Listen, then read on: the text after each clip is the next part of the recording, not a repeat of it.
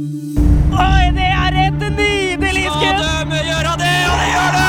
De banker den opp i vinkelen, og 1-0 til Moss. Kaster, Reibak stusser, og Elsaug med hælflikken. Og Fagernes med skåringen! Og Skuddolf Klausen har et bra skudd også! Thomas Klausen utligner for Moss fotballklubb! Hjertelig velkommen til en ny podkast i regi av eh, Moss Avis. Vi sitter eh, på VIP-rommet på Meløy stadion med styreleder Klaus Hagerupsen Hansen. Velkommen. Tusen takk for det. Moss har jo fått en litt uh, tøff start på sesongen. Uh, tre tap fire og én seier. Hvordan ser du på det?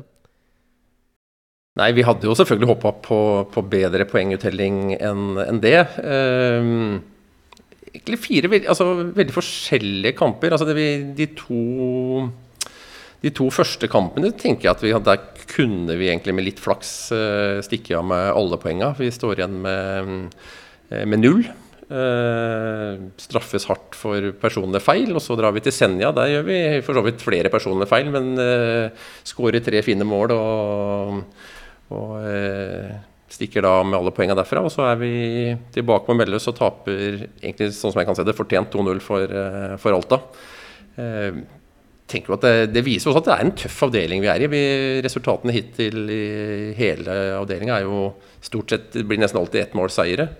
Eh, og det er, det er, tøffe kamper, selv om det som er antatte lag litt nedover på tabellen, møter de som er på, antatt å være på toppen. Så eh, får Det blir kanskje det kjedelige svaret som eh, fotballtrener alltid kommer med. At uh, vi får ta én kamp av gangen og se framover. Uh, men uh, jeg har iallfall tro på at vi skal starte oss å plukke poeng igjen ganske snart. Men det, det er ikke noe sånn walk in the park uh, framover heller. Men det, skal, det skal opp til Brattvåg neste helg. Der ble vel 1-1 i fjor. Og så kommer hun på rekke og rad, så Ja, det er, det er rett og slett en tøff avdeling. Og det, det tror jeg jeg det har iallfall gått tydelig opp for meg at eh, nivå 3 uh, på Nordligaen i Norge er blitt, en, det er blitt et tøft nivå. Eh, gå til våre venner litt sør i fylket her, og, som bruker tre ganger så mye penger som oss og bestiller opprykk hvert år. Det er ingen selvfølge.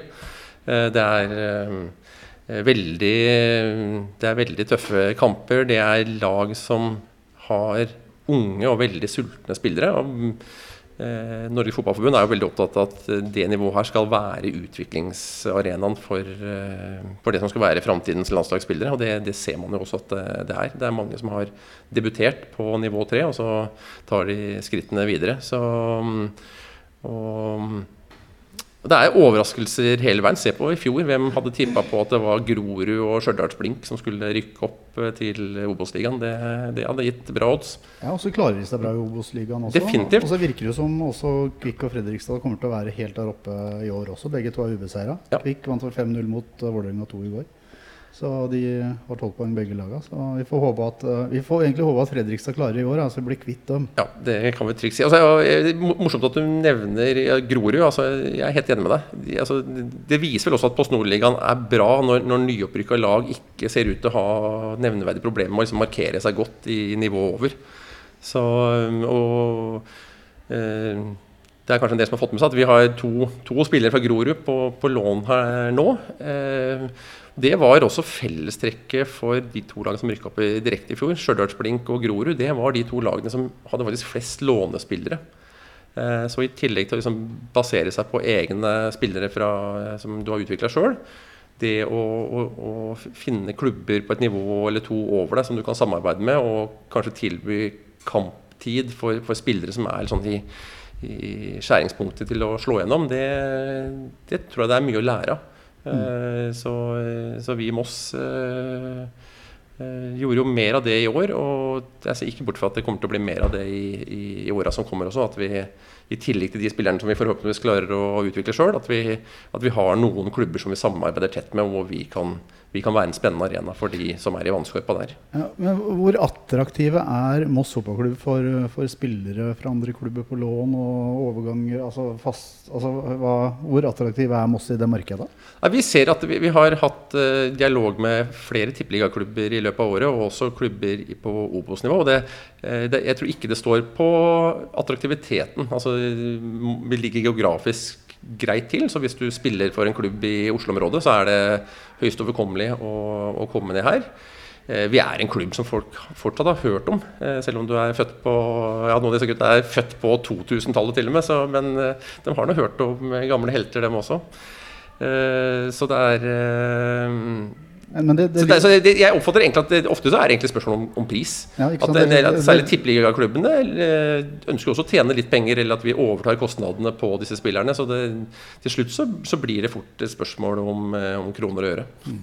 det, lå, det lå liksom et menn og vaka der når du svarte, og det er økonomien. Mm. Det er økonomien som setter dere litt uh, ut uh, for å hente de beste spillerne som er tilgjengelige. da ja, ja. Det, det, det, så, sånn vil det alltid være. At det er eh, På vårt nivå så kan, eh, så kan noen av de klubbene vi konkurrerer med, de kan hente spillere som koster langt mer enn hva vi kan, kan bruke på, på, våre spillere. Rett og slett.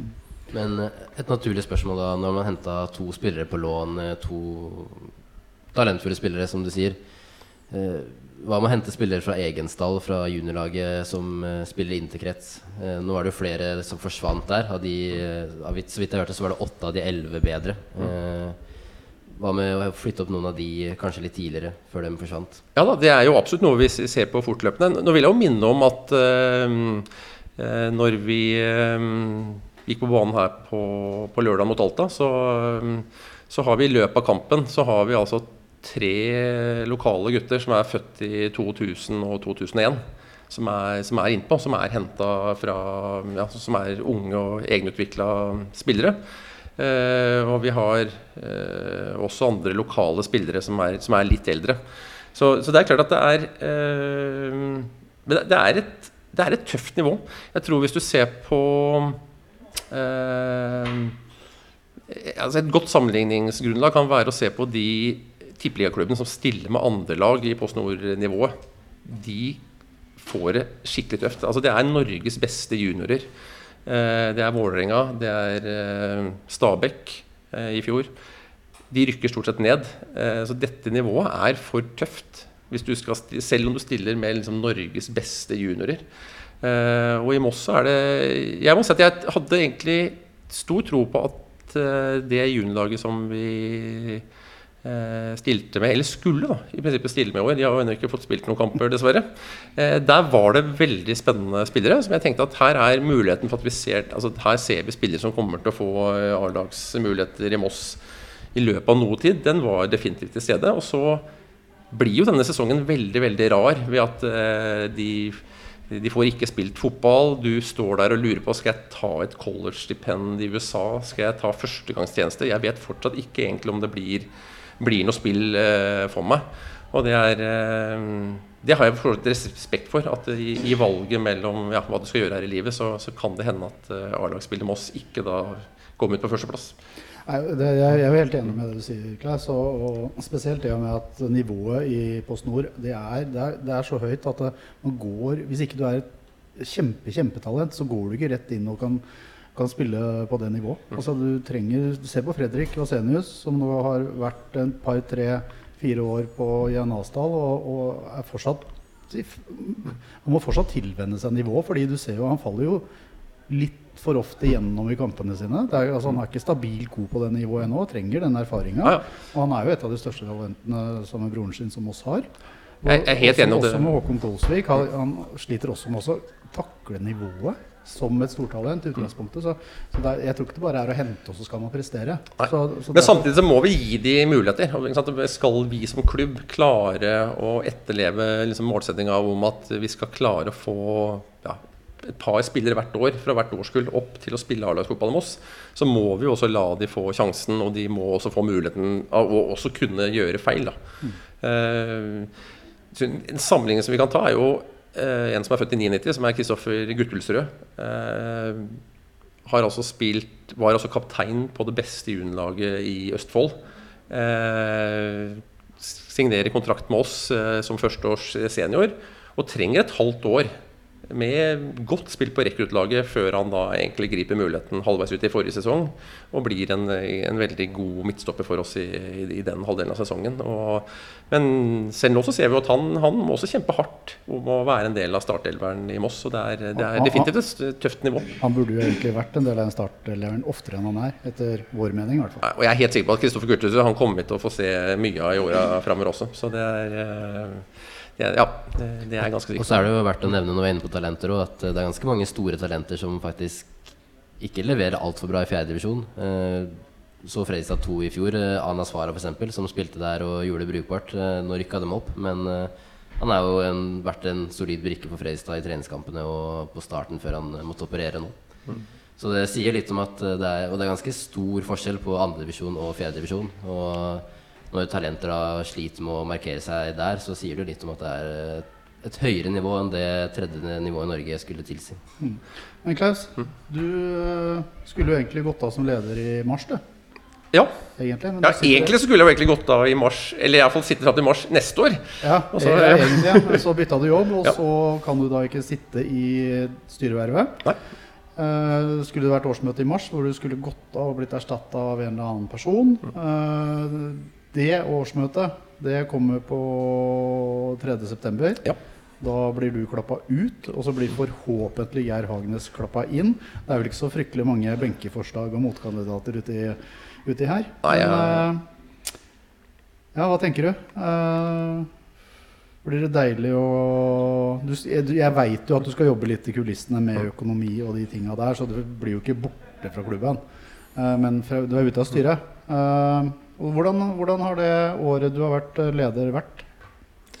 Jo, det Halvannet? Ja, halvannet, ja. Nei, det, det, har vært veldig spennende. Eh, jeg, eh, jeg ble jo klappa inn på en periode hvor det var hadde vært en litt kaotisk periode. Vi hadde fått på plass ny hovedtrener og, og en del nye spillere. Syns egentlig at vi ganske raskt klarte å få måtte, ro og fokus på, på sesongen. Og sportslig sett så syns jeg jo at det gikk For A-laget så var det omtrent som forventa. Det var eh, det var mange, eh, mange, nye spillere som skulle måte bli kjent med hverandre. Og vi leverer én plass bedre enn året før, så det er iallfall eh, forbedring. Eh, minst like gledelig syns jeg jo at det var eller mye mer gledelig egentlig, var det jo at vi gjorde det så bra i Yngves avdeling. Eh, et, eh, når sesongen er over, så har vi også plutselig to integreringslag etter å ikke ha hatt noen på, på veldig mange år. Eh, og det, det, en, det, hadde jo vært en målsetting i klubben en god stund. Og er også i mine øyne en, en klar forutsetning for at vi, hvis det skal være noe realisme om at vi skal klare å produsere egne spillere, så må vi ha et gutter 16-lag og et juniorlag som, som, får lov å spille mot de beste lagene på, på Østlandet. Eh, så, eh, så, det er jeg syns jeg var bra. Um, og så går vi jo med bra forhåpninger inn i en ny sesong. Eh, henter et par nye spennende spillere. Og så treffer da det koronaspøkelset oss som hele resten av Fotball-Norge og Norge og verden for øvrig. Eh, så det må jeg jo si at det var, eh, det var en eh, spesiell situasjon. 12.3, da var det drøye to uker til det årsmøtet hvor jeg skulle klappes ut. Og vi skjønner jo da at dette her blir For det første så blir det jo da forbudt å avholde årsmøter, eller samle folk i det hele tatt. Vi vet ikke noe om det blir noen fotballsesong i det hele tatt. Jeg må for første gang i mitt liv slå opp i den sida i, i i personalhåndboka hvor det står permitteringer. Eh, og man skal forholde seg til veldig mye usikkerhet. Så det, det har iallfall vært veldig lærerikt, uh, hvis jeg skulle, skal kunne si det sånn. Mm. Hvordan var det å holde Da kom jeg inn ja. etter hvor lenge? Halvtime. Hei, Erik. Hei, hei. Jeg er her, jeg òg. Um, spillerne var permittert veldig lenge. Mm. Uh, lenger enn hva noen andre klubber gjorde. Følte du på et press på det. For det, omgivelsene rundt tenkte I MFK er man fortsatt permittert, men uh, i Fredrikstad og andre steder så, så, trener man. og Noen frykta kanskje at det skulle bli utslagsgivende. Man kan ikke si at uh, starten på sesongen nå er pga. det. Men uh, var det noe du følte på? Ja da.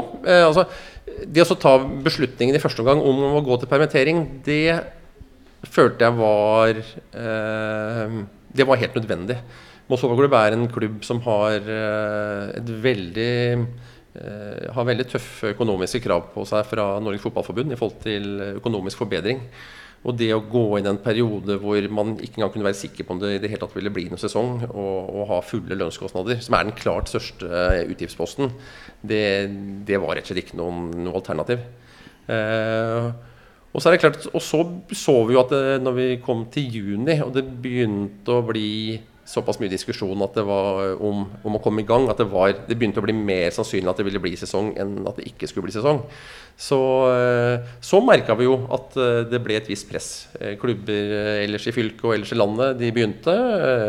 Noen var jo litt ekstra kreative og, og trente med med fullkontakt, selv om ikke det var lov. Så det er klart at det ble, det ble, mm, det ble noen uker der hvor vi, vi, også måtte vurdere om skal vi nå eh, komme i gang. Men samtidig så var, jeg, må få lov å skryte. da. Jeg syns at Fotballforbundet har gjort en helt usedvanlig god jobb i den prosessen her.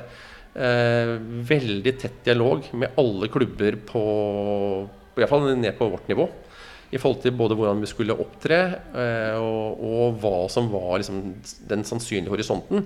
Inkludert at alle klubbene ville få måtte, tilstrekkelig tid fra liksom, klarsignalet ble gitt, til første kamp skulle spilles.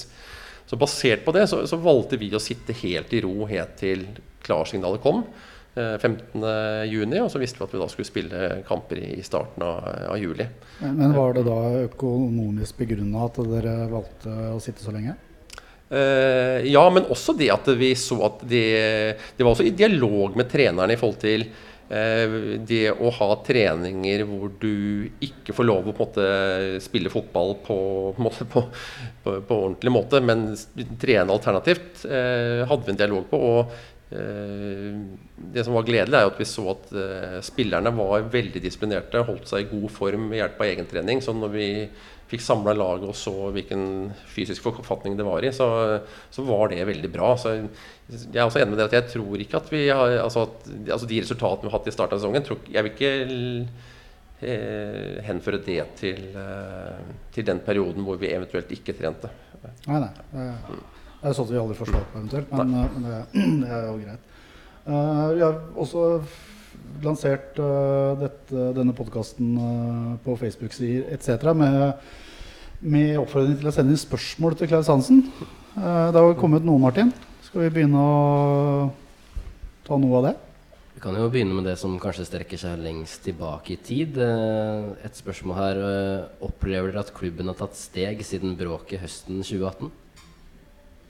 Ja, det, det synes jeg.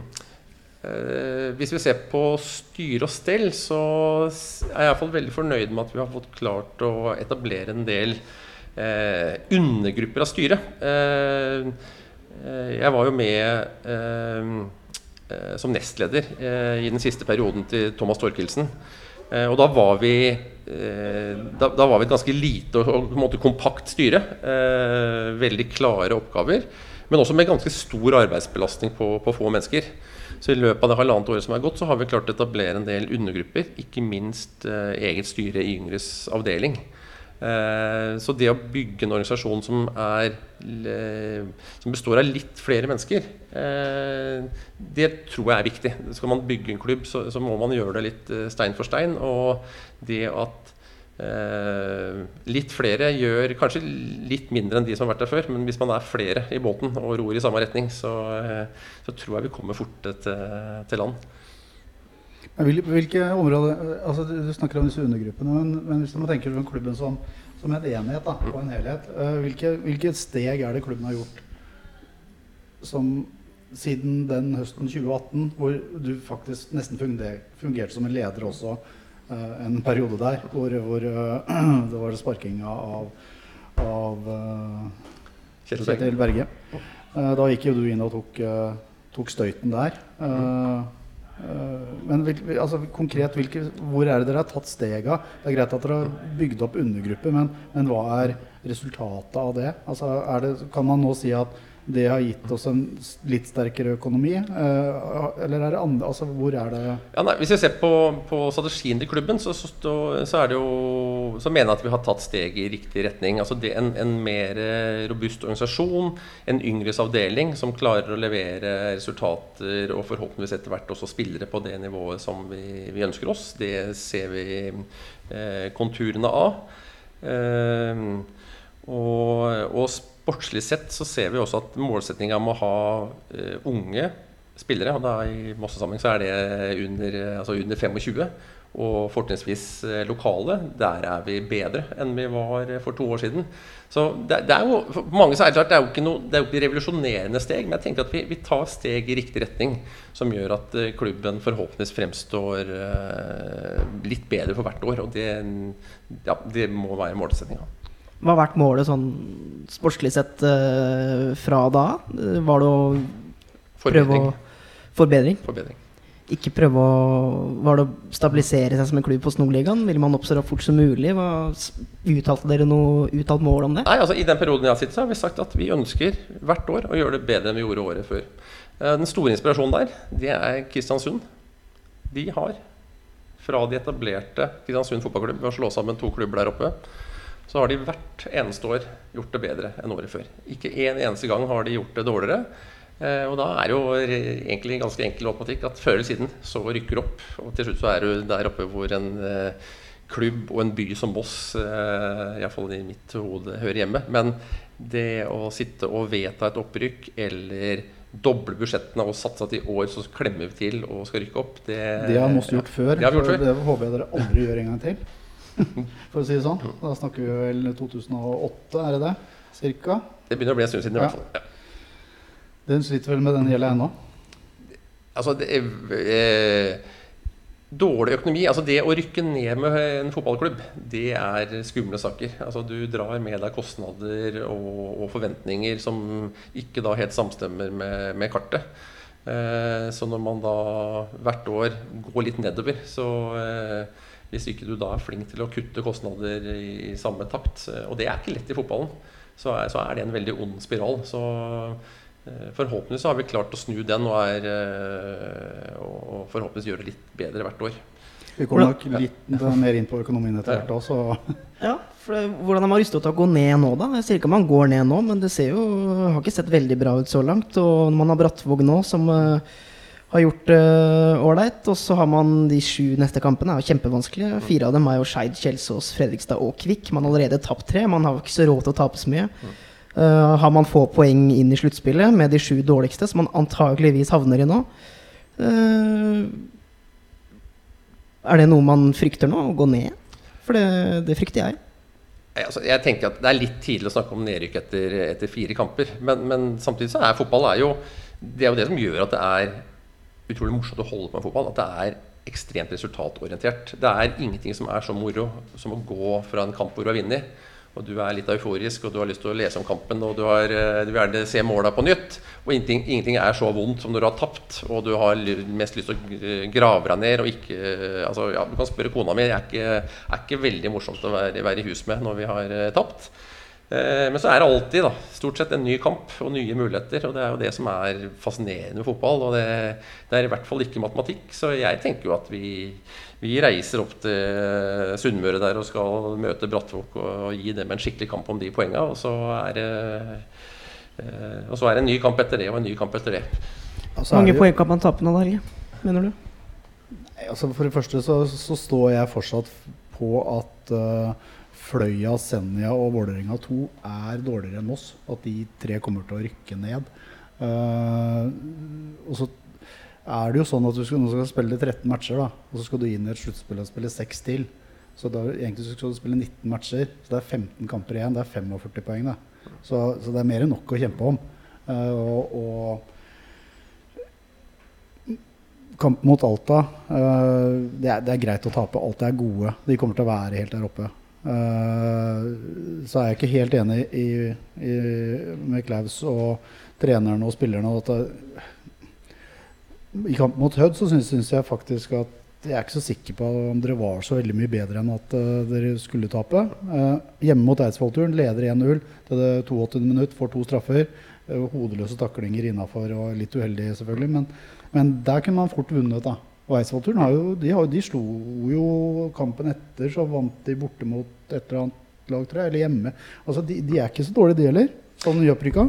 Så, så poengmessig så har Moss fått med seg veldig lite. Uh, samtidig så, så, så tror jeg det er muligheter for at de fort drar med seg en del poeng. Og jeg, de kommer til å spille playoff i, blant de dårligste. Det tror jeg. Jeg tror ikke de er gode nok til å være på topp sju. Men jeg tror de har med seg nok poeng til eller dere da, har med nok poeng til at man skal unngå et nedrykk. Men det er som Klaus sier, alt kan skje. Så har vi jo nevnt nå at det er eh, syv eh, tøffe kamper eh, som venter, og det kommer snart en nytt styre. Tror du Maro Jovic sitter trygt om det skulle gå dårlig resultatmessig? Før et eventuelt sluttspill? Altså, jeg kan jo ikke forskuttere noe for hva et nytt styre vil mene, men jeg vet i hvert fall hva jeg vil hviske nye styrelederne i øret. Og jeg tror jo at det å gi fotballtrenere tilstrekkelig tid er en suksessfaktor i fotball generelt sett. Eh, altså jeg er blodfan av Manchester United, og alle vet at eh, det var vel en FA Cup-finale som gjorde at eh, Ferguson i det hele tatt fikk lov å liksom begynne på sin lange rekke av mesterskap i, i den klubben der. Eh, hvis du ser på Bodø-Glimt eh, som gjør det fantastisk nå. Den første sesongen eh, som de hadde for to år siden i Tippeligaen, da endte de på 11.-plass. Eh, drar du til Bergen, så er ikke det nok i det hele tatt. Liksom. Så det er eh, Jeg tenker at eh, det å, å, skyte en trener fordi at resultatene på kort sikt ikke er helt eh, ønskelig, da det skal man få tenke seg veldig godt om før man gjør. Eh, Og i Moss sin sammenheng så tenker jeg det er i hvert fall ikke svaret. Jeg syns vi ser en trener som har eh, faglig sett eh, er kjempedyktig, og som får mye ut av det spillemateriellet som han får tak i. Og nettopp det at han får tak i en del spillere fra som ikke koster oss all verden, men som har kvaliteter ved seg som, som, en, som den lagoppstillinga han ønsker å stille med, har. Det, ja, han har iallfall min tillit. Og så er det vel også et økonomisk spørsmål. Sparke, de, de går jo ikke gratis, eh, disse spillerne som blir sparka heller. Så hvis man sparker to trenere nå, så må man erstatte de, og det koster penger, det òg. Ja, og jeg tenker at det blir, det blir, veldig, det blir veldig kortsiktig. Så det eh, I mitt hode så er ikke det en, eh, det er ikke en problemstilling som er veldig aktuell. Nei. Spillemateriellet syns ikke jeg er eh, godt nok. Du ba om et ord. Ja, du mener det. Eh, Kom en liten kommentar fra Kristiansen her. Eh, tidligere i eh, måneden, faktisk, 2.8., søndag, så er det en sak i Moss Avis om at Geir Hagenes er ny styreleder, tar over for deg, der han uttaler at slik jeg har forstått det, så har ikke klubben noen markedsplan å arbeide etter, og det er selvsagt viktig å få på plass. Stemmer dette, eller tar han feil? Eh, nei, han tar egentlig ikke feil. Altså, det, et av de områdene som jeg også har sett at vi bør forbedres på, er en del, eh, er en del på rutiner og, og ja, eh, som det papirmessige i klubben. Eh, det vi gjør på markedssiden, er på en måte eh, en, en arv etter hvordan vi har jobba de siste sju-åtte årene. Altså man, man, man har et årshjul eh, som man jobber etter. Eh, men en, en markedsplan, sikkert sånn som han tenker ut ifra hvordan du vil tenke i næringslivet, hvor du jobber veldig eh, strategisk i forhold til hvordan du skal framstå mot sponsorer, eh, hva du skal tilby. Eh, så tenker jeg at der, vi, der tror jeg vi har et forbedringspotensial. Eh, og jeg ser at han hen, peker på andre klubber vi kan lære av, det, og det tror jeg er veldig riktig. Og jeg oppfatter at Fotball-Norge er villig til å dele informasjon på det, på det området der. Eh, Så om det er, om er Sarpsborg, eller om det er Mjøndalen eller om det er Grorud, de, de er ikke så fryktelig farlig. Men det å eh, ta kontakt og, og, og få, eh, få en dialog med, med klubber som ligger på et nivå over oss, og som gjør mye bra, det tror jeg er kjempelurt. Eh, og det å jobbe systematisk eh, og målretta blir jo heller aldri feil. Eh, Geir Hagnes er jo en har yrkeskarriere fra militæret. Det kan vel hende at det blir litt mer sånn Litt mer ting satt i system sånn uh, framover nå. Ikke det at dere ikke har system og kontroll på ting, men, men uh, han er jo kanskje typen til å tenker mer planmessig. Og som han også sier eh, når jeg, eller i intervjuet som jeg hadde, altså han er veldig opptatt av å kvittere ut for å se at de tinga de gjør, om det funker eller ikke funker. Altså Setter man i gang en jobb, så skal den gjøres ferdig, og så vi, ser vi åssen det har gått. Og så får man tenke videre. Men du nevnte jo Kristiansund. Eh, man burde jo kanskje tatt en prat med tidligere MFK-spiller Christian Mikkelsen òg. han har vel noen erfaringer gjennom den tida han, eh, han har trent i? Ja, ja nei, definitivt. Og det er, jo, det er, jo, det fine med Fotball-Norge. At det finnes jo veldig mye eks-MFK-ere rundt omkring i veldig mange klubber. Og som har et veldig positivt forhold til oss fortsatt. Så Kristian eh, er definitivt uh, en som det går an å snakke med. Jeg har i de møtene jeg har hatt med klubbene på vårt nivå, så var bl.a. daglig leder Kristiansund innom for å holde foredrag. og Eh, jeg må jo si at det var veldig inspirerende. Eh, men også et eksempel på at eh, det å ta på seg en jobb i fotballen, det er, det er ikke en vanlig jobb. Han eh, fikk overtalt kona si til å, når de bygde nye stadion, til å da kjøpe det huset som lå nærmest. Sånn at han hadde kortest mulig vei. Eh, og han fortalte meg at de eh, Han fikk egentlig aldri gjort noe mellom åtte og fire. For da sto døra oppe, og da var det all verdens folk som reka forbi. Og døra var aldri stengt, så det var å svare på alt mulig om forrige kamp og neste kamp. Og så måtte han egentlig gjøre jobben på, på kvelden. Mm. Det, og det opplever jeg at uh, Ja, sånn, sånn, er det i mange fotballklubber. Det er, det er mer enn en jobb, og det er uh, Ja, det er en veldig Det er jo en type organisasjon som er en herlig blanding av kommers og frivillighet. Eh, veldig høyt fokus i lokalmiljøet. Kanskje ufortjent mye. Hvis du, altså hvis, hvis du, spør noen av de andre idrettslagene i byen, så syns de sikkert at vi får uforholdsmessig mye oppmerksomhet i forhold til veldig mye annet som, som foregår. Men vi er jo selvfølgelig glad for det. Eh, og, og, må være det ansvaret eh, bevisst. Eh, og så må man jo da prøve å rekruttere inn mennesker som har lyst til å bruke tid og energi på, på å bidra. Og så, og så, må vi også ha respekt for at eh, noen ganger så kan det også bli for mye. At man eh, ønsker å ta en pause eller trekke seg litt tilbake. Og da gjelder det å ha noen andre som kan ta over den stafettpinnen. Hvordan føler du da som leder, og når du har vært i klubben i mange år nå, eh, hvordan, hvordan blir det tatt imot ute blant Mosseborgere, eh, sponsormarkedet. Altså, hvordan er det? Altså, hvordan, hva sier folk om dere? Nei, altså det er eh, Hvis du skal være brutalt ærlig? Nei, hvis vi skal være brutalt ærlig Det er klart at det er Nå sitter vi inne på VIP-rommet, og for de som har vært der, så henger jo da Her henger det jo bilder fra uh, sent 80-tall som gjør at uh, man kan jo bli både varm om hjertet, men også litt uh, Trist. Litt trist da, over at uh, man spiller to nivåer under, og det er ikke Real Madrid, men det er, uh, det er eh, Brattvåg som er neste uh, motstander. uten sammenligning da, i det hele tatt for øvrig. men det er jo der vi er. jeg var så heldig at jeg fikk lov å være med på juniornivå her akkurat når de gutta der spilte. Og det var jo ikke noe ville gleda meg mer enn at mine unger skulle få lov å oppleve det samme. Samtidig så ser jeg jo at vi betyr masse for mange, selv om vi spiller på nivå tre. Eh, når vi ser æresmedlemmer som kommer her på hver eh, kamp. Eh, når vi ser sommerbilen fra NRK når de skal starte i Moss. Hvem er det de tar med seg i baksetet? jo, de starter med Ellers stadion, og de har med seg Einar Aas.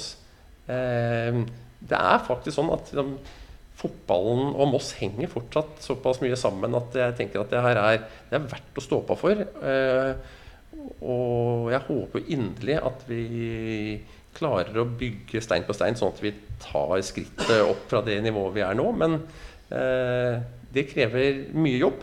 Eh, det krever faktisk ganske mye penger også, eh, sånn som verden har blitt. Eh, men vi ser også at det er andre klubber som ikke har den sterkeste økonomien, som greier det. Så jeg tenker at det er lov å la seg inspirere og, og lære av andre. Og så tenker jeg at en ja, en by som vår den må ha ambisjoner om å ha et bra fotballag. Jeg, jeg sa brutale, brutalt og ærlig. Eh, hvordan er økonomien, hvis du skal svare med brutalt og ærlig? Nei, altså 2020 blir et krevende år for Moss fotballklubb og for norsk fotball generelt sett. Eh, vi ble vi gikk da altså til permitteringer akkurat i den perioden hvor vi skulle starte kampanjer på å selge sesongkort. Vi skulle måtte fulltegne de, de sponsorpakkene som vi ennå ikke hadde solgt. Og, og, så er det sånn at du går egentlig i, helt i vakuum i nesten tre måneder. og vi spiller nå fotball med 200 tilskuere, hvorav halvparten har ja, mer enn halvparten har uh, skal ikke betale for å komme inn, for de har jo kjøpt sesongkort uh, på forhånd. Uh, altså vi kan ikke engang slippe inn alle de. det blir ikke så mye inntekter av sånt.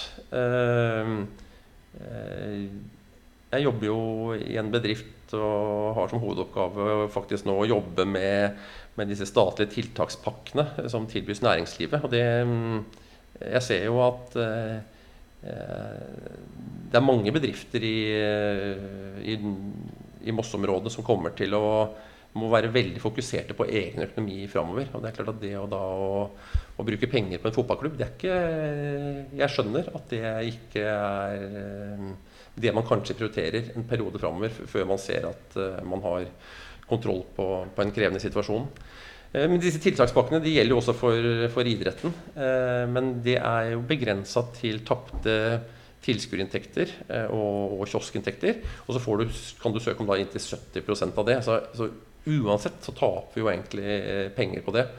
Og det er klart at da de, de, pengene som vi sparte på å gå til permittering i tre måneder, det, det, kommer, altså det, kommer, godt med og er helt nødvendig for at det regnskapet i år i det hele tatt skal kunne klare å komme noenlunde ut i, eh, i null. Uh, ja. uh, mange klubber har jo disse rike onklene. da. Mm. Uh, vil jeg ikke gå så langt som å si at Jo, kanskje litt, men, men eh, for Moss sin del så er det vel fire personer som, har et, uh, som er kausjonert for et lån mm. på to millioner kroner. Ja, det er nå ja, halvannen er det på ja. nå, da. Ja. Uh, og der uh, har vel de fire fått brev, blitt kontakta av Sparebank1, hvor lånet er tatt, om at de må innfri kausjonistansvaret sitt. Hvordan, er det riktig? Uh, nei, det er nok en fjær som har blitt til uh, et par kråker. Uh, det er riktig at det gikk ut et varsel fra banken. Det hadde bakgrunn i at vi, vi hadde surra litt med altså har, Dette lånet har vi i en annen bank enn der vi har klubbens bankforbindelse. Eh, og hvert, eh, hvert, kvartal så må vi overføre da, penger til den kontoen hvor det lånet er, for å betale renter på det. Og der, vi, eh, der skjedde det en misforståelse, så de pengene var ikke på plass den dagen det, det kvartalet forfalt. Det rydda vi opp umiddelbart etterpå. Men da går det ut et, generelt, eller, ja, et generelt varsel til de kreditorene. Men det er de er rydda opp i, og de er godt orientert om at vi har kontroll på det. Ja, så da, der er det kontroll? Der er det kontroll. Ja, For det er viktig å ta vare på de, ja, de onklene der? Ja, det var, jeg, jeg, tror alle de kan bekrefte at det var en ganske eh, ydmyk eh, styreleder som ringte og beklaga at det der i det hele tatt uh, hadde fått skje. Altså. Mm. Du var også inne på Nå, altså, nå kom jeg havna i den negative båten her. Eh, du, du nevnte æresmedlemmer. Mm. Eh, jeg var ute og, og rusla eller sykla faktisk en tur på Albi her etter første hjemmekamp. Eh, da ble jeg stoppa av et æresmedlem som ikke var invitert. Han var veldig skuffa over at han ikke var invitert til MFKs første hjemmekamp for året. Ja, nei, var, Der må det jo ha skjedd en uh, beklagelig glipp. Eh, noe som vi vedtok med en gang vi fikk vite at vi fikk lov å slippe inn 200. Eh, og skulle begynne å fordele det eh, blant, eh, eh, blant ulike grupper. Så, så var æresmedlemmer blant de som vi sa de skal ha adgang uansett. vi sendte ut, og dette var jo da Jeg antar da, det må jo da ha vært den første kampen ja, mot Eidsvoll-turen.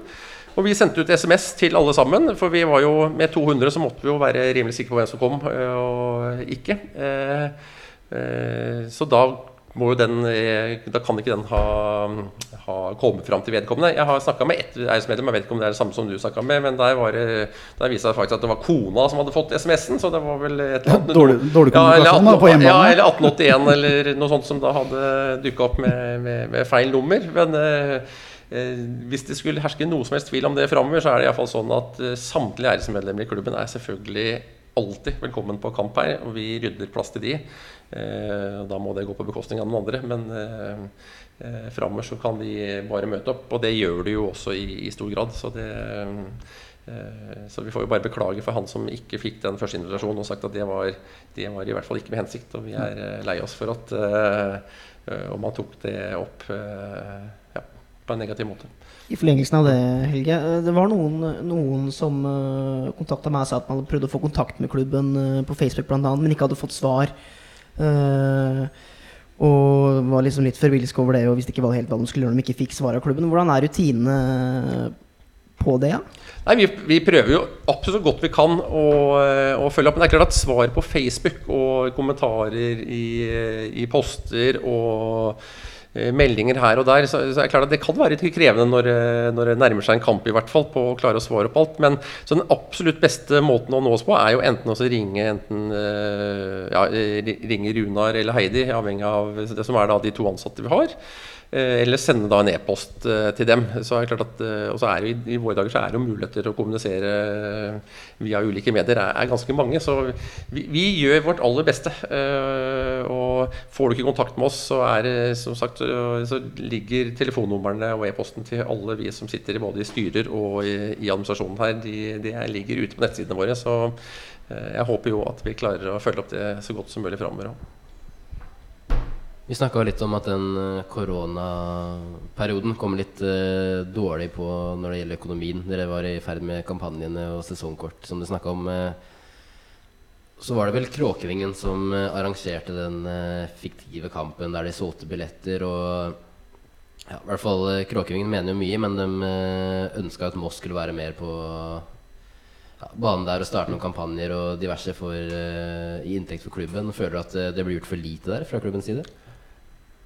Først og fremst vil jeg faktisk si at jeg er veldig glad for, eh, for den jobben som Kråkevingen gjør. Eh, dere som er her og filmer, eh, vil tro at det produktet dere får, blir bedre med Kråkevingen på andre siden der, og måten de pynter tribunen vår på nå med da kun 200 personer på, på tribunen. Og vi får Det er en gjeng med herlig entusiasme og sterke meninger, og det er Eh, vi blir eh, geniforklart når, vi vinner, og vi blir idiotforklart eh, når vi taper. Og det er helt fair. Og det gjelder for så vidt Kråkevingen, og det gjelder egentlig alle andre. Hvis dere har gode ideer på hva klubben kan gjøre for å skape ting som gir oss god PR, eller enda bedre hvis det kan gi oss inntekter. Så, så da er vi ikke vonde å be. altså Det er egentlig bare å ta kontakt. Og, og Kråkevingen eh, har jo hatt to gode initiativer i år. altså Det ene var jo den, den, kampen der, og den andre var jo at de var jo en betydelig bidragsyter når vi hadde eh, bykampen mot eh, sprint. Eh, og fikk vel inn penger fra alle vannhull som var i, i Moss. Og det var, jeg syns det var eh, ut, utrolig bra jobba, og var med på å gjøre det til en, en, en veldig hyggelig og bra dag.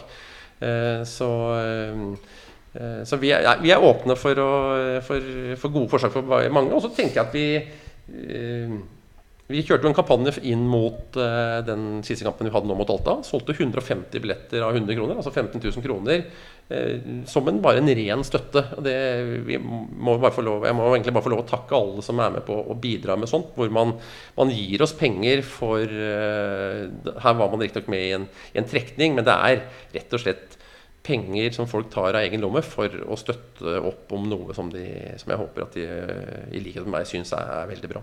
Men Du skryter jo en del av Kråkingen, men uh, føler du at klubben gjorde for lite? Eller at det kunne gjort mer, vært, uh, blitt gjort mer? Du, kan, vet du hva, på det nivået vårt vi kan alltid gjøre mer. Altså det blir, vi har har en og en halv ansatt på, på måten som skal dekke alt som går på administrasjon, klubb og, og, salg. Alt annet vi har av lønnskostnader, det går på innafor sport. Og så har vi et uh, styrer og utvalg som utelukkende består av folk som bruker fritida si. Og det er klart at I en, i en sånn setting så vil det, det vil alltid være Selv om du har gjort alt du klarer, så vil det alltid være mer du kunne ha gjort i tillegg. Så, så, så da, noen ganger så må du gjøre noen prioriteringer mellom hva man, hva, hva man får mest ut av. Eh, men jeg, jeg, håper jo at i åra som går framover, at hvis du har en god idé og tenker at det der, og, og hvis du attpåtil har litt tid og litt kunnskap om hvordan det skal gjennomføres, så kommer ikke til å stå på oss i forhold til å få inn folk som kan, som kan bidra innenfor noe som de tenker at det kunne klubben ha, ha glede av. Um, Og, og om det begrenser seg til at man bare har en god idé, så ikke sitt inne og brenn, brenn med det. Ta kontakt med oss, og så ser vi om, vi kan, om det er noe vi kan klare å gjennomføre. Hvordan er eh, forholdet mellom Moss fotballklubb og Kråkevingen? Ja, det syns jeg er bra, i hvert fall. Eh, I løpet av sommeren har jeg hatt eh, i hvert fall et par-tre møter med dem. Eh, mye knytta til hvordan vi skal gjennomføre kampene. Starta med egentlig rett og slett bare det hvor, hvor mange eh, billetter skulle vi øremerke til dem? Hvordan skulle de selges? Hvor skal de stå? Hvilke, og der, eh, eh, Kråkevingen der iallfall de, er- de er veldig opptatt av koronaregler. Så det er jeg tror det er den tryggeste plassen i Moss. Det må være ståtribunen på, på Melløs i hvert fall. Eh, vi har klart å altså Vi har etablert en egen Kråkevingen-billett, som er den absolutt mest rapporterte eh, som vi har. eh, som gjør at jeg vil oppfordre folk til å melde dere inn i Kråkevingen. Støtte opp om det de holder på med, og, og bidra på, på, på kamper framover. Så får dere i hvert fall de billigste billettene som du får tak i med tanke på å se kamper på Melløs. Og den mest eller den dårligst vedlikeholdte ståtribunen i Ja. Nord-Europa. Men den skal byttes ut. Den skal jo- byttes ja, ut. det- men, men jeg, jeg tenker sånn, sånn altså, Vi har vært der borte og titta litt, og også her på Mm. hovedtribunen. Og det er jo ikke MFK sitt ansvar om hvordan det ser ut der. Men, men det kunne kanskje vært fint hvis MFK kunne pusha kommunen til å kanskje rydde opp litt i ugresset som vokser gjennom ståtribunen, glasset som ligger her og der. Vaska litt uh, på tribunene. Altså, det, er, det, er, det er ikke det peneste anlegget akkurat nå. Nei, Melløs har vel aldri vært Norge, eh, altså, Europas peneste anlegg. Men jeg, du får meg ikke ut på glattisen i forhold til å kritisere kommunen i stor grad. I hvert fall. Jeg må si at jeg er, jeg er også mm, veldig fornøyd med det samarbeidet som i, hvert fall i min formannsperiode har hatt med kommunen. Eh, jeg tviler faktisk på om det er noe anlegg i Norge som har bedre baner enn det vi har i øyeblikket. f.eks. det er gjort en helt formidabel jobb med å legge i hvert fall de sportslige forholdene til rette. Det er helt eh, enig med. Fasilitetene rundt tenkte jeg på. Der syns jeg det er eh, det, det, det, ja. Glass på en eh, fotballtribune kan man ikke ha. Nei, og det er jeg helt sikker på at Hvis noen plukker opp telefonen og ringer til Tiril eller en av de andre i kommunen, så er jeg helt sikker på at det blir rydda opp i. Og det, jeg antar at det, at det er folk hos oss som allerede har gjort det. Så jeg, jeg er ikke så redd for at det skal være så veldig farlig å gå på ståtribunen framover. I hvert fall. Neida. Men kanskje de hører podkasten nå? Ja, ja, ikke sant? Og da, det. ja, da, og da, da gjentar jeg bare det. Eh, fantastisk jobb med banene. Og det, jo, det må jo være en banemesters drøm da å ha ingen som løper på banen din før i juni. Så det er klart det viser jo egentlig hvordan en bane i Norge kan se ut, hvis den bare får lov å eh, etablere seg litt på, på våren. Eh, nå får vi jo snart også ny kunstgressbane. Eh, Det blir bra, og den eh, ståtribunen skal jo rehabiliteres. Så- vi, jeg tenker også anleggsmessig så ser vi at eh, vi Meløy stadion er, er og kommer til å bli et veldig bra anlegg for oss i åra framover også. Når vi er inne på Melløy stadion I Thomas Torkelsens periode som leder i klubben, så var han også en del av en kunstgresskomité for å etablere en kunstgressbane på Løkenfeltet. Eh, nå er det kanskje vi som har gjort en dårlig jobb, men, men, og ikke spurt om det på lang tid. Eh, er det lagt brakk? Det er iallfall trykka litt på pauseknappen i forhold til alt annet som har skjedd i år. Så det, jeg må innrømme at jeg ikke, jeg, der er jeg ikke helt oppdatert, jeg heller, på, på hva som er status. Eh, Pri én for oss nå er at den kunstgressbanen eh, som vi har eh, borte ved A- og B-feltet, at den nå eh, blir rehabilitert. Eh, og det er på plass til, eh, til den delen av sesongen hvor det blir høyst eh, nødvendig. Mm. For det var jo komité med Thomas Tage Pettersen og Hans Jakob Hennes, var det ikke? Vi får ta en telefon til dem. Ja. Og kommunen kan se å få rydda på ståtribunen der. Eh, Vi snakka litt om eh, kampanjer og diverse. Det ble jo arrangert en bykamp som må kunne si at det var en suksess. Eh, hadde den bykampen blitt arrangert om det ikke var for eh, Lasse Årstad? Gjennomføringa altså, bidro i hvert fall eh, Lasse voldsomt. Den som faktisk Og som bør få eh, full honnør for at det i hele tatt ble noe, det er faktisk Knut Evensen, som da er eh, min sjef. Og det var egentlig over en eller annen kaffe på BDO at han eh, hadde titta på det som Sarpsborg Fredriks hadde gjort et par uker tidligere. Det var, eh, så det var egentlig han som kom opp med ideen eh, i utgangspunktet. Men så trengte vi jo en, en eh, person som hadde tid og anledning til å holde mye i det, for det var jo et stort arrangement. Eh, og Lasse hadde kontakta meg i forhold til eh, den generelle situasjonen i klubben på det tidspunktet, og tilbudt seg å være med. Så, det, mm, så hvis jeg takka kommunen i stad, så er Lasse iallfall nestemann på lista. Det var en helt uh, formidabel jobb som han la ned for at det der skulle bli et uh, morsomt og bra arrangement. Uh, men jeg vil også få lov å takke altså Sprint Jeløy. Det var Jeg vil jo si at Jeg er så stolt av hvor bra jeg føler at forholdet mellom disse to klubbene, som mange sikkert ynder å tenke at vi skal være ihuga konkurrenter og bitre fiender. Men jeg opplever at samarbeidet blir stadig bedre. Eh, og at vi begge ønsker hverandre vel. Altså, spør du meg, så det er ikke noe som ville gleda meg mer enn at, den, at de snart får kommet i gang, og at de rykker opp til tredjedivisjon. Det tror jeg ville vært utrolig bra for, eh, for Mosse-fotballen. Da hadde vi hatt eh, lag på nivå 3, 4 og 5. Eh, nå, altså, det var vel du som sa det i stad, Erik, at eh, nivået mellom fjerdedivisjon og andredivisjon er så stort at det å tro at selv om du gjør det bra på sprint nå, så, så kan fortsatt spranget opp til, til, det nivået som vi er på. Det kan bli litt for langt. Hvis Sprint klarer å ta det skrittet opp eh, ett nivå, og, og, og, finne, og da få fram spillere som takler det bra, så tror jeg muligheten for at du vil se flere spillere som går den veien, og ikke bare motsatt, sånn som det var i år når vi sender tre av fjorårsdalen vår til sprint, men også at eh, det kan gå spillere den andre veien over eh, brua. Du skal møte Mario Jovic i, i kveld. Mm. Hva står på den agendaen? Det, vi har jevne møter, så det er rett og slett en, en liten statusgjennomgang på, på, sesongen hittil. Og, og, så blir det sikkert uh, flere temaer som vi kommer innom. Uh, I tillegg så har vi med uh, altså det er både det er både Rune Jørgensen, som er sportsleder, og Kristoffer Kolsrud også i tillegg. Så det er en sånt møte mellom sportslig ansvarlig styre og de to trenerne på A-laget. Jeg regner jo med at dere har, eh, har jevnlig dialog om det meste. Hva, mm. hva, jeg regner med at klubben som helhet er misfornøyd med sesongstarten poengmessig. Og ja, ja. kanskje også hva som er prestert utpå der. For det, store deler av fjorårssesongen så, så man jo et voldsomt trøkk offensivt. Og det har jo blitt borte, syns jeg. da. Eh, jeg vet ikke om dere har snakka noe om det? Men jeg tror også at vi, vi må vi, det, det, er jo ikke, en, altså det er ikke noen unnskyldning, men jeg tror vi også kan se at vi er, vi er litt prega av at vi har skader på en del nøkkelspillere eh, som, som, var markante for oss i fjor. Eh, eh, René Elshaug vet du akkurat hva du får av når han er på banen. Gleder meg til han er tilbake. Eh, Magnus Fagernes så vi leverte bra Uh, når han kom inn uh, i sommeren i fjor. Jeg hadde gleda meg til å se han i, på topp for oss i år.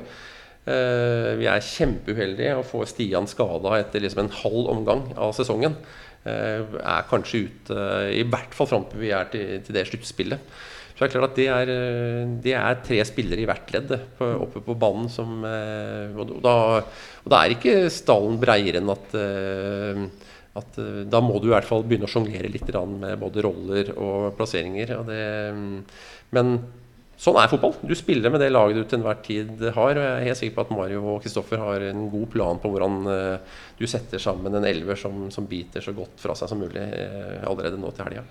Så er det litt dumt da, at de man henter inn på topp, f.eks. Fagernes, er skada. Ikke presterer i det hele tatt. Agwa Obek og Thomas Jacobsen som ja, det er tynn suppe, ass. Det jeg har sett uh, fram til nå. Uh, men Stian Andersen, det er, det er veldig merkbar uh, spiller. Som uh, ikke er lett å erstatte. Han holder uh, Obos-nivå, mener jeg jo vel så det. Så får håpe han blir raskt tilbake. Og ikke minst, som Klaus er inne på, så René Elsa må jo tilbake på det laget fortere enn fort. Han er vel også den som er nærmest. Etter, i hvert fall skal man tro på fysioterapeuten og legeteamet til Vålerenga.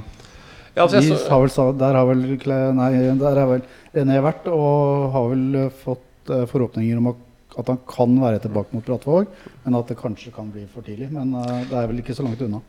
Det blir vel i hvert fall ikke fra start, eh, tror jeg. Men vi får se. Det, kan, det blir jo spennende å følge med. Men jeg tenker også det, blir, det er jo rådet til alle spillere som har vært skada. Det er klart at man er kjempeivrig på å komme i gang, men man må også være smart i forhold til hvor mye belastning man tåler med en gang. Men jeg vil, altså, hvis vi kritiserer spissene våre, så er det klart at det, det, er jo en krevende jobb å være der på topp. og det er klart at du, For å score så må du skape et visst antall sjanser. så Det er klart at det der at man ikke scorer mål, det er, et, det er et kollektivt ansvar eh, for et lag. Eh, de to gutta har skutt i tverrleggeren eh, begge to fra, eh, fra kort hold. Og det er eh, Med litt tur så hadde det kanskje vært et par mål ekstra, så hadde vi kanskje ikke vært så, så strenge. Så det er klart at det å være spiss, du blir målt på, på, på målprotokollen. Og eh, ja, det, ja sånn, sånn, er det. Nå får jo Erik stå for sine, eh, sine vurderinger av spissere. Men, men, Mener du Agba og Thomas har innfridd? Nå skal ikke vi ta og diskutere det, men jeg syns ikke Thomas eh, har uh, Klemetsen Jacobsen har innfridd. Agba har to mål på fire kamper. Uh, det er, ikke, det er, ikke, så gærent snitt sånn målmessig, men han burde kanskje skåret mer. Vi kunne sagt det samme om Sanyang i fjor. Han skåret vel 11 til slutt, men burde kanskje skåret 30. Sånn, altså det, Absolutt. De har, de har, ikke vært på det nivået man burde forvente, men, men, totalt sett så har ikke laget vært det heller. Og det er jo kanskje det også Klaus snakker litt om, at laget som helhet ikke har prestert godt nok til at spissene skårer nok mål. Det er jeg helt enig i. Vi kan ikke sage huet av dem. Og så skårte man tre mot Senja. Ja. To. Det var tre igjen. Var ikke to igjen, da? Husker jeg feil. Ja da, og Agva og eh, Jacobsen har jo et eh, Siste målet er jo kjempeflott eh, samspill mellom de to, så det Nei da. Det er, eh, jeg satser på at de er eh, Men er, når vi er inne på fotballspillere da, og fotballkunnskap, eh, så Det er ikke noen quiz, Glass. Uh, vi har presentert det nye styret, mm. som jeg sier igjen garantert blir klappa inn når den tid kommer 3.9. Mm. I det styret så er det, i motsetning til nå, en, veldig mye fotballerfaring. Vi kan ta, nevne Kjell Olofsson, Anders Juliussen, uh, Thomas Meyer Hansen bl.a. Så det er vel Josef Boehm har vel også spilt fotball. Kanskje brukt mest tid på håndball uh, i sin aktive karriere. Uh, hva, hvor viktig er det å få inn uh, disse personene i et styre, tror du? For det er mange som sier at styret, altså det er jo ikke noe fotballkunnskap i Moss i styret. Men nå får man det. Hvor viktig er det? Er det avgjørende? Ja, jeg tenker at det, eh, det, å få med folk som har, et, eh, som har en historikk i klubben, Eh, det er kjempeviktig. Og så, og jeg at Nå får vi også en fin miks. Vi får uh, i, i, Geir, da, som uh, høyst sannsynlig da blir ny styreleder, så får vi en person som han har ikke noe bakgrunn i klubben i det hele tatt. Det kan jo være en fordel. altså Se oss litt utafra, ikke være altfor prega av hva som har skjedd der før. Men ja, se, tenk at her ser, det med, her ser man det litt utenfra og har muligheten til å, å utnytte det. Og så er det jo veldig veldig hyggelig at man får, får med spillere som, som, har vært med i en periode hvor klubben eh, leverte veldig bra. Eh, men så er jo jobben i et styre består jo av eh, mye mer enn sport også. Så det er klart det der å finne den miksen av noen som, som, brenner for yngres, noen som syns det er superviktig at det er, eh, gjennomføres gode og fine arrangementer her.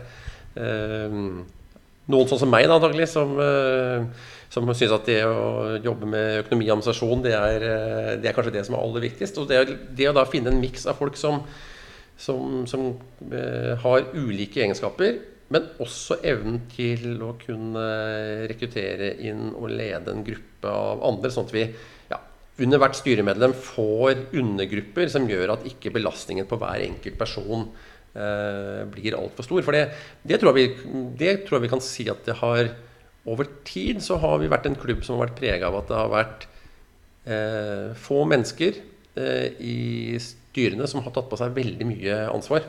Eh, og det er klart at det er eh, eh, Det er jo vel og bra at man finner de som gjør det. Eh, men faren for at du kan brenne deg litt ut, og at det kan bli for stor belastning, den er definitivt der også.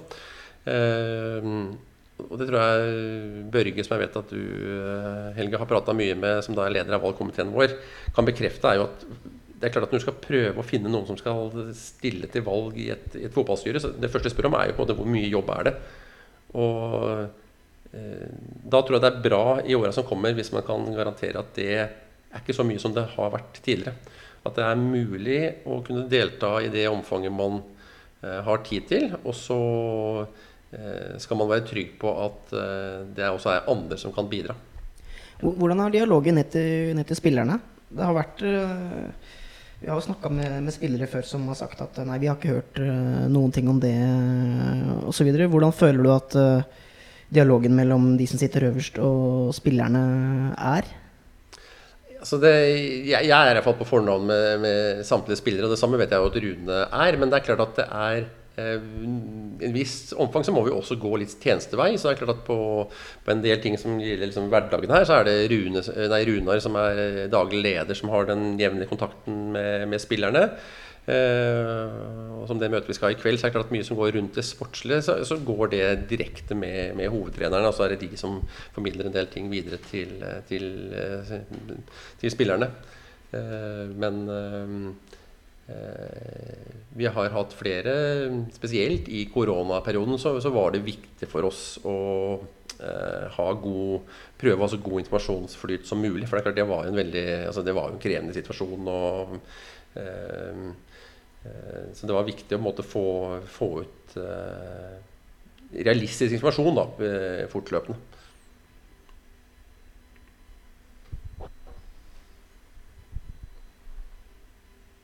Ja, da har du ikke flere spørsmål? Da endte, endte mikrofonen hos meg plutselig. ja, men jeg kan, jeg kan fortsette. Jeg, du kan godt fortsette. Så har jeg litt, jeg. Ja, jeg har vel også Jeg har vel sagt jeg, altså, jeg har fulgt Mosopoklubb siden 95. Mm. Uh, ikke like tett alle år, men i hvert fall mye fra 95 og perioden i uh, Eliteserie Obos og, og sånn. Og jeg føler jo at en del av den MFK-sjela er borte. Uh, så kan dere som jobber med Moss, vil jo helt sikkert si at det er ikke helt riktig, for vi har jo sjel. Uh, er jeg inne på noe, eller er jeg helt på jordet? Hva legger du sjela Helge? Altså, at det jeg legger i det, er at det, klubben virker mye mer død enn hva han gjorde tidligere. Nå kan handler det selvfølgelig om at man er på et annet nivå også, men, men jeg føler kanskje at dere gjør så lite ut av det merkenavnet og merkevaren dere egentlig er. da. Uh, og så har det selvfølgelig noe med et klubbhus å gjøre også. at man, man, kan ikke bare komme til Melløs og sette seg ned og ta en kopp kaffe og snakke med noen trenere, spillere. altså sånn som man hadde før. Altså Før så hadde man et sted å gå til. Man traff MFK-folk. Uh, uh, ja. Men nå er jo klubbhuset på vei tilbake. Kommer sjela med den? Vi svarer ja nå, bekrefter at sjela er litt borte. Det er i hvert fall ikke noe tvil om at klubbhus blir viktig. Og det har stått høyt både på ønskelista og, prioriteringslista en god stund.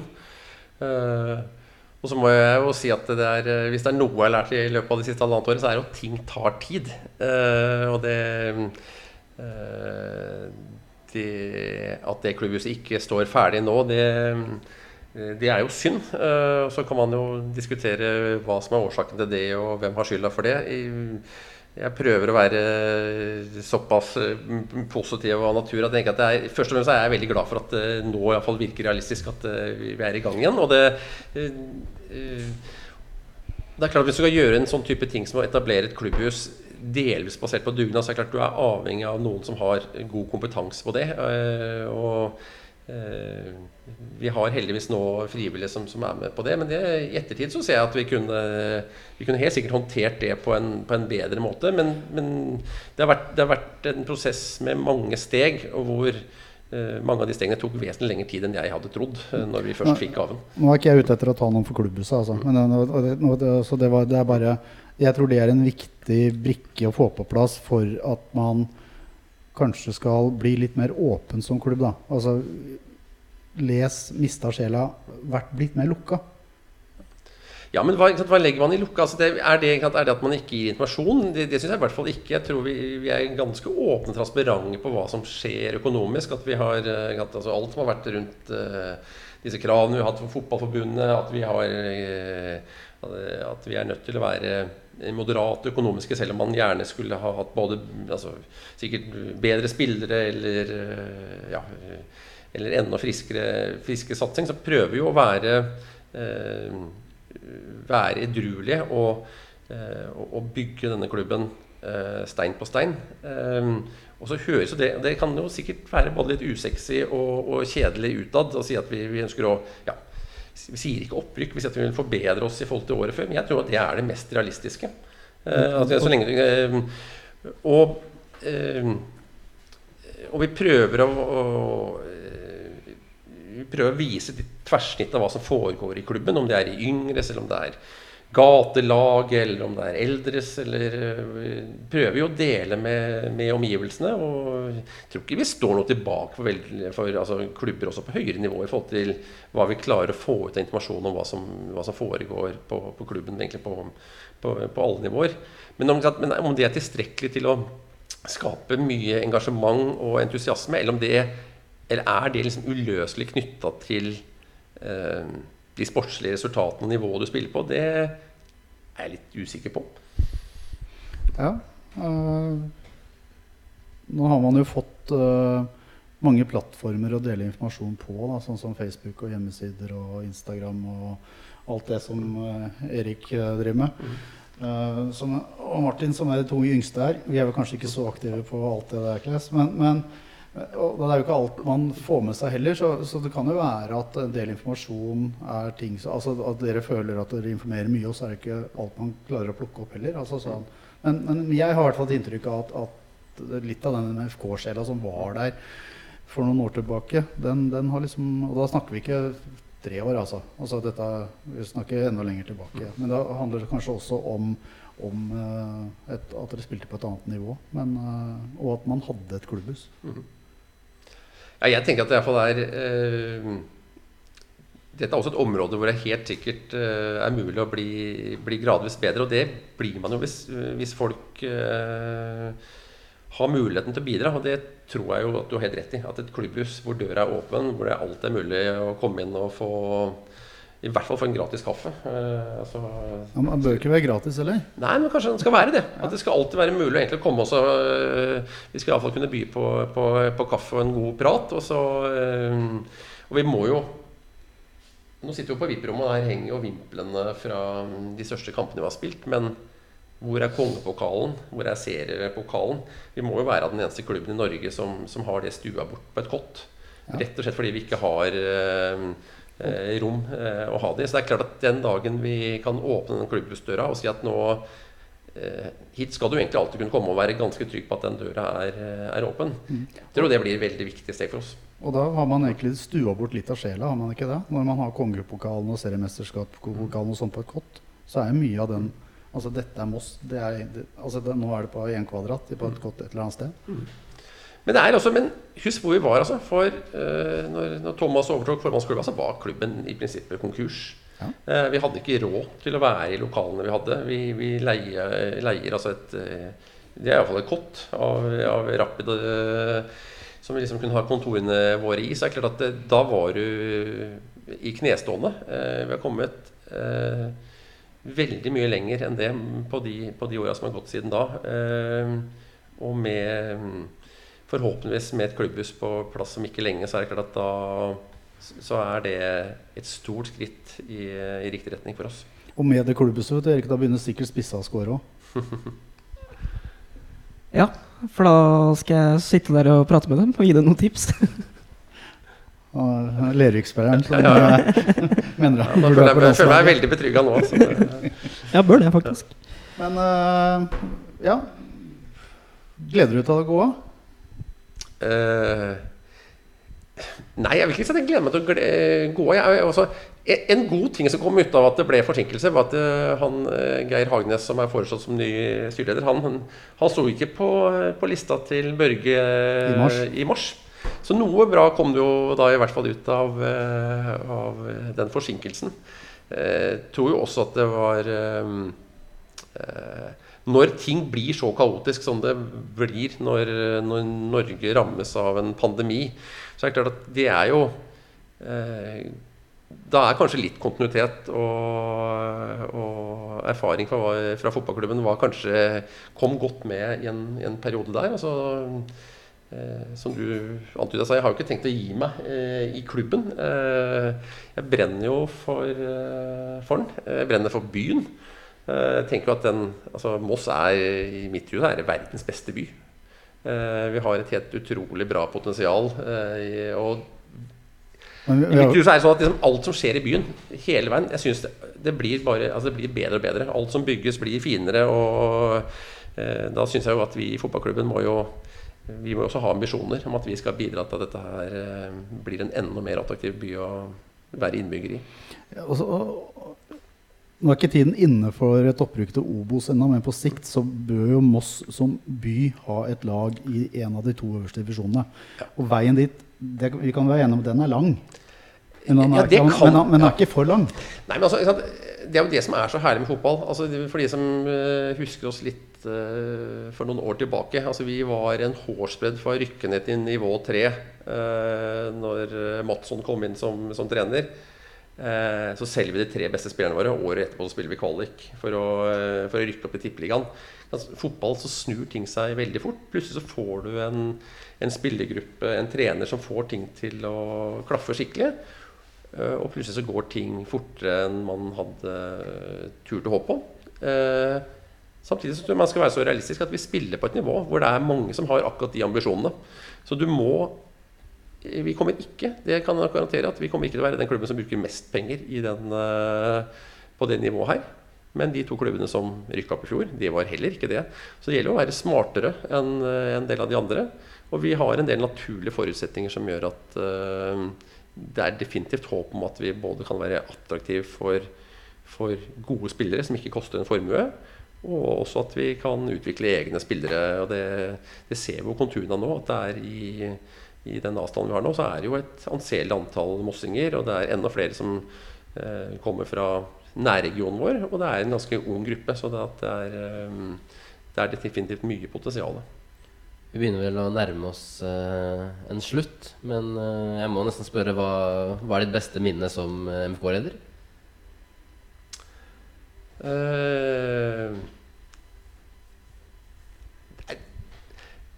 Det at vi Altså det, det, var egentlig det var et vanskelig spørsmål. Jeg, jeg, må si at jeg er akkurat i øyeblikket iallfall Det som, på, som går kortest tilbake tid, er det at vi kommer i gang med, med barneidretten. barne- og ungdomsidretten. Veldig, veldig gledelig. Eh, og ingen selvfølge i det hele tatt. 1.8 er ikke så mange dagene siden. Da var det altså første gang lov igjen å spille kamper for dem. Eh, utrolig viktig for hele Fotball-Norge. Uh, vi har hatt noe frafall. Jeg ser at vi, vi mister spillere på, i Gynges avdeling i løpet av den perioden som har gått. Men ikke så mye som vi kanskje hadde frykta. Uh, jeg er lei meg på vegne av de spillerne som skulle spille integrert for første gang, og som nå får en veldig avkorta sesong. Og vi har en del juniorspillere som, som rett og slett har avslutta karrieren før de fikk lov å spille en eneste kamp.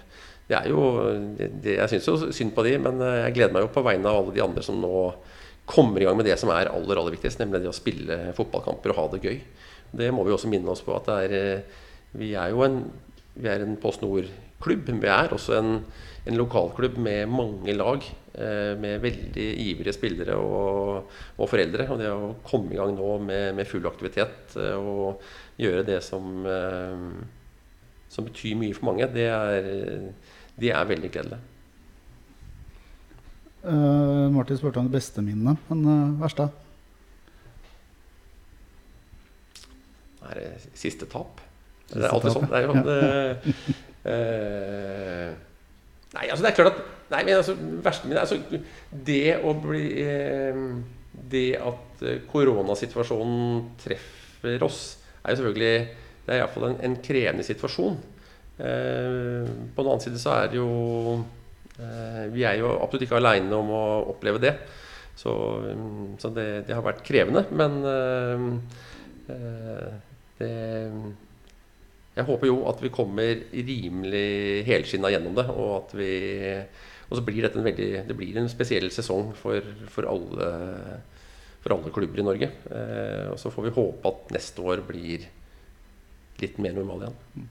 Uh, hvis du da skal ønske deg én ting eh, med MFK-hjertet, hva blir det? Eh, Som er Nei. realistisk? Nei, det må jo være at uh, Ole Jonny står bak baren i klubbhuset og serverer øl på julebordet.